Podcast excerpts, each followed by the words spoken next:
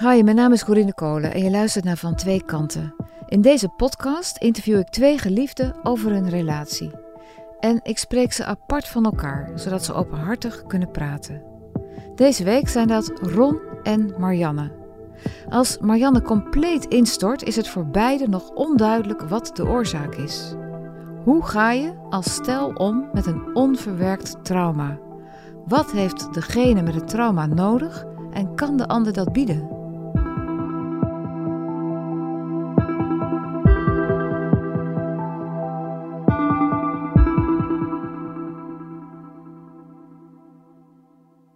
Ja, we hebben elkaar op een hele romantische plek bij het RIAG uh, leren kennen.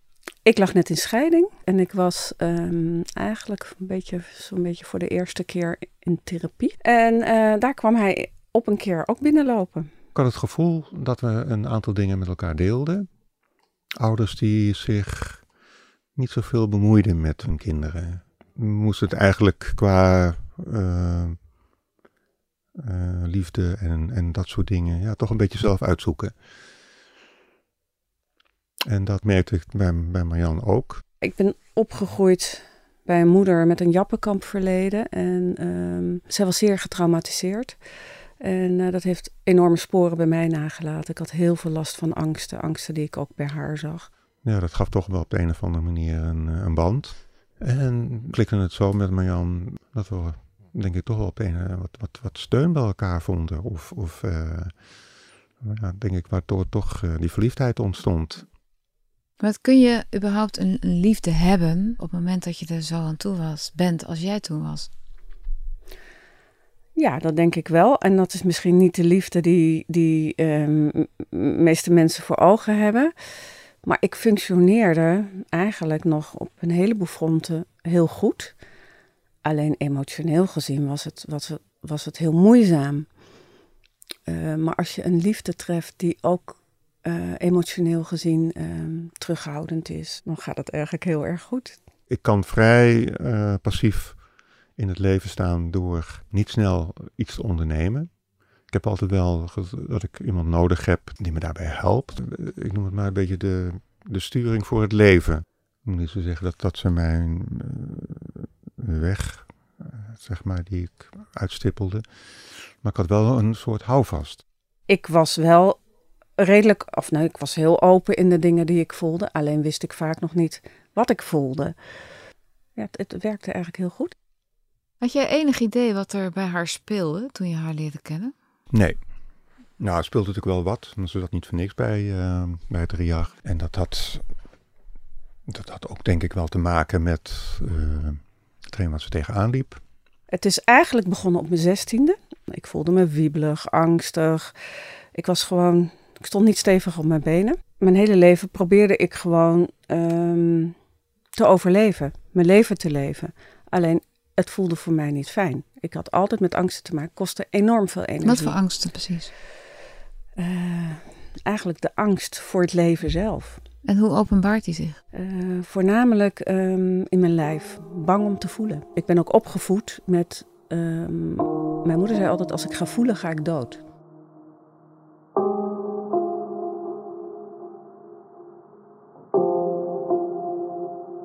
Mijn moeder is uh, op haar 16e, 17e.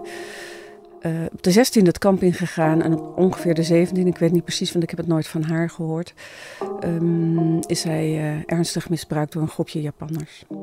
En um, heeft dat eigenlijk nooit kunnen verwerken en had een enorm hekel aan haar eigen lichaam, aan het vrouwenlichaam. Ik ben het enigste meisje thuis en uh, ik werd altijd enorm gewaarschuwd. Meisje zijn was niet goed. Um, en ik werd heel erg gewaarschuwd voor het gevaar. Gevaar van mannen, seksualiteit, uh, noem maar op. En dat gaat zich op een gegeven moment, als je dat altijd maar weg blijft duwen, dan gaat zich dat uh, wreken. Wat er gebeurde was dat, uh, dat de angsten van Marjan mee te maken kreeg. En de controle die, die ze altijd in haar leven uh, heeft willen uitoefenen. Ja, zo in conflict kwamen met elkaar. Dat Um, dat ze voelde dat ze eigenlijk niet meer, uh, niet meer verder kon. Ik was een jaar 35 en um, Ik hield allerlei ballen in de lucht met mijn werk. Ik had een redelijk drukke baan en eh, ik was nog met een studie bezig. En, uh, maar zoveel mogelijk doen. En op een gegeven moment hield ik het niet meer. En toen dacht ik van... Op een avond zei ik tegen mezelf van... Nou weet je jongens, kom dan maar. Kom maar. Ik weet het gewoon niet meer. En toen midden in de nacht werd ik wakker en ik was volkomen de weg kwijt. Ja, wat ik zag, iemand die, die, uh, die in paniek uh, raakte. En, en alle controle kwijt was die ze altijd over haar leven heeft, heeft, uh, heeft kunnen houden. En, en dat viel weg. Het is bijna niet uit te leggen. Ik, ik um, kon niet eens van de stoel naar de wc lopen in mijn eentje. Ik was gewoon bang voor elke prikkel. Ik was volkomen overprikkeld, denk ik. Ik had het gewoon veel te ver laten komen. Maar ik, ik kon in een hoekje zitten, bibberen en uh, daar de hele dag blijven zitten. Het gebeurde wel steeds vaker dat, dat die, die, uh, die angsten naar boven kwamen. Want wat gebeurde er dan precies? Nou, wat er gebeurde als ik een weekend weg was, of, of voor mijn werk of voor andere dingen. En Marjan was alleen thuis dat het voor haar ontzettend moeilijk was. Ze had het gevoel dat, dat, dat ze overmand werd door een angst van dat ik haar zou, zou verlaten. Uh, waardoor ze soms in paniek raakte. Waar ben je dan precies bang voor? Of dat, zelfs dat weet je dan niet op dat moment? Om compleet gek te worden. Tenminste, daar was ik bang voor. Van nou, ik ga gewoon voorkomen door het lint. Ik weet niet wat er met me gebeurt. Ik word gek. En, en ook stel je voor wat andere mensen van mij vinden. En, en, en, dat denk je dan nog steeds aan op zo'n moment? Ja, terwijl ik wel op dat moment zoiets had van: ik wil niemand zien. Weet je, dit is er met me aan de hand en laat mij maar. Ik moet het gewoon zelf oplossen, want dat is, zat er nog steeds wel in. Ik moet het zelf doen. En uh, behalve dan dat ik Ron heel hard nodig had in die periode. Wat, wat zag je? Angst. Ja, angst in, in haar ogen van ik kan niet meer alleen zijn. Ik heb voortdurend iemand nodig die ik vertrouw. En het was zo sterk dat, uh, ja, dat, ik, dat ik, mijn, werk, uh, wat ik uh, mijn werk thuis moest doen. Wat gelukkig uh, kon. Maar het was wel even moeilijk voor mij. Wat is wat hij zei wat jou hielp? hij luisterde. Hij, ik kon het gewoon vertellen. Hij luisterde. Hij zou me nooit uh, in een richting duwen van, oh nu moet je dit of nu moet je dat. Hij wees me niet af. Dat is voor mij het allerbelangrijkste. Dat had ik zo vaak meegemaakt. Hij wees me niet af. Ik denk dat ik aan haar de steun die uh, door te zijn, gewoon. En, en niet oordelend, maar gewoon het moment dat, dat ze mij nodig heeft, ja, er voor haar te zijn. En ik moet zeggen dat, dat Ron altijd in die zin wel altijd een bepaalde veiligheid voor mij uh, heeft vertegenwoordigd. Als hij maar in de buurt was, kon ik het nog redelijk handelen. Maar dat is natuurlijk niet goed. Ik had wel dat ik uh, een stukje wilde fietsen en dan moest Marjan met, met de auto achter mij aanrijden. Om, uh, om niet uit het zicht van mij te komen. En ik had een stukje gefietst en nou ja, dan zei ik van nou ja, nu fiets ik weer terug naar huis. Ja, zei Jan, dat gaat nog niet gebeuren. Uh, we gaan, gooi je fiets maar in de auto, want ik ga niet nog een keer achter je aan uh, rijden. En Marjan ging dan, als ik naar de redactie moest, uh, ging ze met me mee. En dat, dat was voor haar lastig, voor mij lastig. Want ja, dat roept ook allemaal bij collega's vragen op. Van wat is er in godsnaam aan de hand met jullie? En wat gebeurde er met jou? Want je hebt het nu over Marianne en je werk. Maar nou ja, maar ik, ik, ik moest een keus maken ik moest een keus maken van, van uh, hoe lang hou ik dit nog vol? En dat moment, dat, dat uh, kwam steeds dichterbij. Hoe lang heeft dat geduurd? Veel te lang. Um, en dat komt misschien ook omdat ik in die zin gewoon geen hulp heb gezocht. Um, Ron is uh, een half jaar thuis geweest. Die heeft thuis gewerkt, omdat ik gewoon geen kant op kon. En toen um, was de therapeute bij wie ik inmiddels was. Die had me net gewezen op van het zou wel eens een tweede generatie probleem kunnen zijn. Dat kwam eigenlijk in die therapie, uh, werd dat steeds duidelijker. Omdat de, de angsten waarmee Marjan uh, op dat moment uh, zat, dat het haar angsten van haar moeder uh, waren, die, die toch min of meer op haar geprojecteerd waren. Ik had. Um, Ik had eigenlijk het hele, pas achteraf is dat veel duidelijker geworden.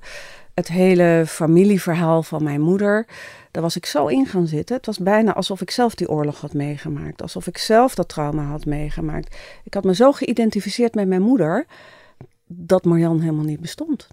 Dus van kleins af aan al begonnen. Ik, ik, ik vond ook altijd dat ik haar leven leuker moest maken. En is dat een iets wat je denkt, wat je bewust denkt als kind? Of is dat dan een Nee. soort sluimerend iets? Ja, nee, gewoon- dat is een, een, een, een- ik denk een overlevingsstrategie ook. Ik weet wel als kind al dat ik altijd naar mijn moeder keek. Van hoe voelt ze zich? Hoe gaat het? Dat, dat weet ik wel. Maar niet. Ik heb nooit me gerealiseerd dat dat anders was dan in andere gezinnen. Was het ook niet een soort opluchting dat je dacht van, oh, nu weet ik wat het is? Ehm, nee, want in die tijd ehm, heb ik een soort van, dat was toen in die tijd zo, om therapie vergoed te krijgen, noem ik erkenning aangevraagd. Van dat ik een naoorlogse of een tweede generatie, eh, eh, ja, dat heette toen nog oorlogsslachtoffer, vind ik een heel lastig woord, maar goed. Ehm, en die erkenning werd afgewezen. En, en de reden was dat ze zich eigenlijk te sterk had voorgedaan dan ze in, in werkelijkheid was. En dat kwam omdat ja, ze haar hele leven al sterker voor moest doen dan ze in werkelijkheid was. Dus niemand prikte, prikte daar doorheen van hé, hey, er is wel meer aan de hand dan je nu eigenlijk laat zien. Dus dat was ja, dat, dat, eh, op dat moment voelde ze zich ook niet gezien. En toen dacht ik, oké, weg ermee. Dit is het dus niet, ik ga het zelf doen. Dus ik heb het weer helemaal weggestopt. Niet slim. Wat, je, bent, je hebt die angst overwonnen en vervolgens nou, weer overwonnen. weggestopt. Ja, ik, ik, ik heb mijn leven weer een beetje op de rit gekregen. En ik heb weggestopt dat dit wel eens eh, het eh naoorlogse generatieprobleem zou En je bent zijn. niet verder gegaan met een therapeut die dat, hoe Nee, dat niet traject- specifiek. Nee, nee. Ik werd gewoon daarin, voor mijn gevoel, ook weer afgewezen. Dus ik dacht, van, ja, dan ga ik dat niet zeggen dat ik dat... eh, Weet je, het is ook heel moeilijk om jezelf te geloven elke keer. Van, is het wel zo? Je bent, je bent altijd... eh, verzin ik het niet? Het was eigenlijk voor haar ook wel een zoektocht. Een zoektocht naar eh, hoe kan ik deze angsten overwinnen. Eh, ze heeft ook een tijdje antidepressiva ge- geslikt om, om, om haar leven weer een beetje ja, op orde te krijgen. En daarbij dat, het speelde ook wel dat eh Marjan zwanger was en, en, en onze zoon geboren werd. Ik had altijd een onrust in mijn lijf. Dat bleef. Altijd van, er is zo'n ondertoon. En toen Jesse geboren was, toen hij een maand of drie was, dacht ik van, joh, dit wil ik even niet. Ik wil van mijn kind genieten. En dat was de eerste keer, want ik heb het altijd geweigerd en nooit gewild. Dat ik dacht van, nou, en nu ga ik maar een tijdje medicatie slikken. Ik wil rust in mijn lijf. Rust in mijn leven. Ik wil, ik wil genieten. Het is ook, een, een soort overlevingsstrategie. Het, het eh, moment dat ze zou stoppen met die medicatie, dan zou alles weer, eh, weer terugkomen. En ze wist ook diep in haar hart dat eh, wilde ze een, een, een dichter bij haar gevoel komen, dan moest ze daar ook mee stoppen. En, en eh, moest ze het echt, het, het, het waar het om ging, eh, mo- eh, moest ze aankijken. En eh, dat was gewoon die, eh, die traumatische ervaring. Toen jij op je zestiende last van eh, die, die angsten kreeg, wist jij toen dat je moeder dat op haar zestiende naar het kamp was gegaan? Ik wist het wel, ver in mijn achterhoofd. Pas later ben ik die link gaan leggen. Maar het was niet zo dat je dacht, oh god, nu ben ik 16 en mijn moeder eh, Nee. overkwam dat toen ik 16 was. Nee. Is dat toeval? Nee, dat is geen toeval. Eh, en dat kan ik zeggen omdat mijn, mijn zoon ook op zijn zestiende dezelfde angsten kreeg. Dus ik denk dat dat iets is wat je toch op een of andere manier meekrijgt, onbewust. Hoe dan? Ehm, ik denk dat het in een stukje, stukje eh, DNA zit. Dat je dat meekrijgt. De angsten die, die eh, opgedaan zijn, eh, hebben iets veranderd in, in het buitenste gedeelte van je DNA. Dat schijnt te kunnen. En dat kan je overgeven aan de volgende generaties. Ze was meegegaan met Serious Request, met de reddingsbrigade. Heel vermoeid. En hij kwam terug en een dag daarna was er geen contact meer met hem te krijgen. Hij werd heel angstig. En toen dacht ik, oh, dit is niet goed. Dit is echt niet goed. Dus ik tegen wat gebeurt er nou? En toen zei hij, ja, maar ik, word, ik, word, ik ben gewoon dan de weg. Ik ben heel angstig en dan kan ik gewoon niet meer reageren. En ik zei, dit lijkt wel heel erg op wat ik herken. Ik zeg, dat betekent dat uh, we aan de slag moeten, zowel jij als ik. En ik wil gewoon nu ook voor mezelf de onderste steen boven. En ik ga me aanmelden bij het Centrum 45 voor de naoorlogse generatie. En ik ga voor jou ook een goede psycholoog zoeken. Wat voor mij heel duidelijk werd, is dat ik, dat ik alle puzzelstukjes die ik gewoon in mijn hele leven bijna verzameld had, in, door therapieën, door zelfonderzoek, door de bewustwording, die kon ik eigenlijk als een grote puzzel leggen. Van, oh ja, maar dit ben ik dus. Ik heb het op die manier gedaan. Ehm, maar de manier waarop ik het deed, dat was ik niet. Ik heb het op een bepaalde manier gedaan om te overleven. En ehm, ik mag dus ook gewoon Marjan zijn. En wie is dan Marjan? Uh, Marjan is uh, een vrouw. En met name het vrouw zijn is gewoon belangrijk voor mij. Uh, die ehm, haar eigen vrijheid en haar eigen leven mag vormgeven. Haar eigen vrijheid op mag zoeken. Um, en niet mee hoeft te gaan in het, in het familieverhaal. In het, het, ik had al die tijd dat familieverhaal en dat trauma op mijn schouders meegenomen. En dat is niet goed. En uh, is je uh, verhouding met, met Ron veranderd? Nou, we zijn nog wel een beetje zoekende hoor. Want er verandert heel veel. Nog en, steeds? Ja, vind ik wel. Wat dan? Uh, nou ja, Ron is niet, net gestopt met werken. Die is ernstig ziek geweest in, die ja in uh, de jaren hiervoor. Nog steeds wel. En, en um, ja, die zoekt zijn eigen plek nu. Ik uh, kreeg een hartinfarct. En dat was voor mij ook wel een moment, een eye-opener. Ik had heel sterk het gevoel dat, die, dat het hartinfarct niet alleen medisch was, maar dat had ook te maken met, met uh, uh, het inhouden van emoties en, en gevoelens. Dat dat wel duidelijk uh, zijn weerslag had op, op, op, op, op hetgeen wat er gebeurde. Uh, het was niet van iets van, nou ja, ik moet even wat gerepareerd worden in het ziekenhuis en dan kan ik weer op de oude voet verder. Op wat voor manier ben je opener? Um, nou, meer grenzen aangeven, dingen die ik wil. En, en uh, me niet alleen maar laten leiden door hetgeen wat, wat er met Marjan aan de hand is. Ik denk dat we elkaar um, heel erg uh, los kunnen laten. Het is niet meer zo van, oh, ik heb je nodig uh, voor de veiligheid.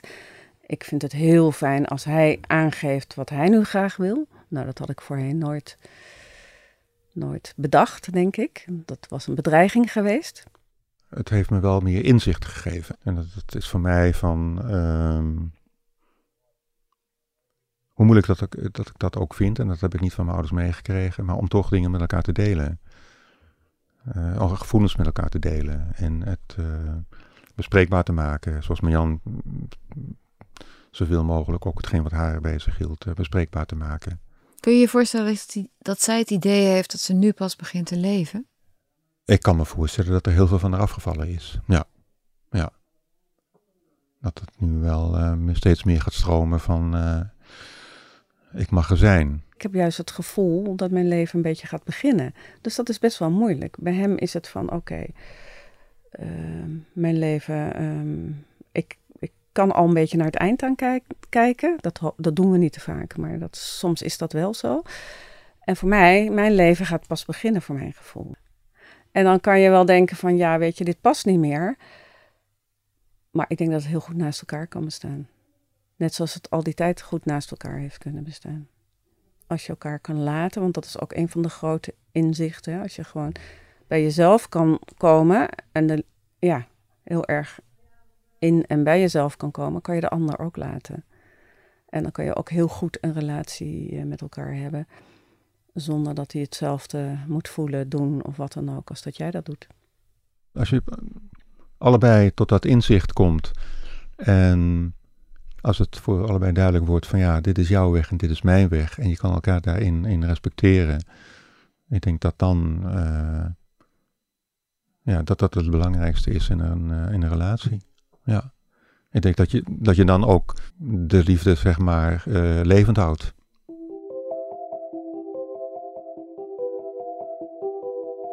Je luisterde naar het verhaal van Marianne en Ron. Marianne heeft over haar zoektocht en herstel ook een boek geschreven, genaamd De Oorlog van Mijn Moeder in Mij. We zijn altijd op zoek naar nieuwe stellen die hun verhaal met ons willen delen. En soms hoor ik wel dat mensen denken dat hun verhaal niet groot genoeg is voor onze podcast. Maar eigenlijk zijn we blij met alle verhalen. Iedereen die denkt iets te melden te hebben over hun verhouding, kan bij mij terecht. Ik zou bijvoorbeeld heel graag een keer een stel willen spreken dat heel veel kinderen heeft. Hoe doe je dat met z'n tweeën? Of twee mensen die al heel lang bij elkaar zijn en willen vertellen over de geheimen van een goed huwelijk. Of een crisis hebben overwonnen. Ben jij of ken jij zo'n stel of hebben jullie een ander verhaal dat je wilt delen? Mail me dan heel graag naar vantweekanten.volkskrant.nl Mijn naam is Corine Kolen. Ik maak deze podcast samen met Simone Eleveld, tevens eindredacteur. De montage is van Lisette Spiegeler en we hadden deze podcast natuurlijk nooit kunnen maken zonder de hulp van Marijke Jonker-Schouten, onze researcher Coördinatie was van Corinne van Duin en de begin- en eindmuziek is van Lula 13. Van Twee Kanten is een podcast van de Volkskrant. Als je ons wilt steunen, dan kun je het het beste doen door een abonnement op de Volkskrant te nemen. Dat kan al voor 50 cent per week via volkskrant.nl/lees. Dankjewel voor het luisteren.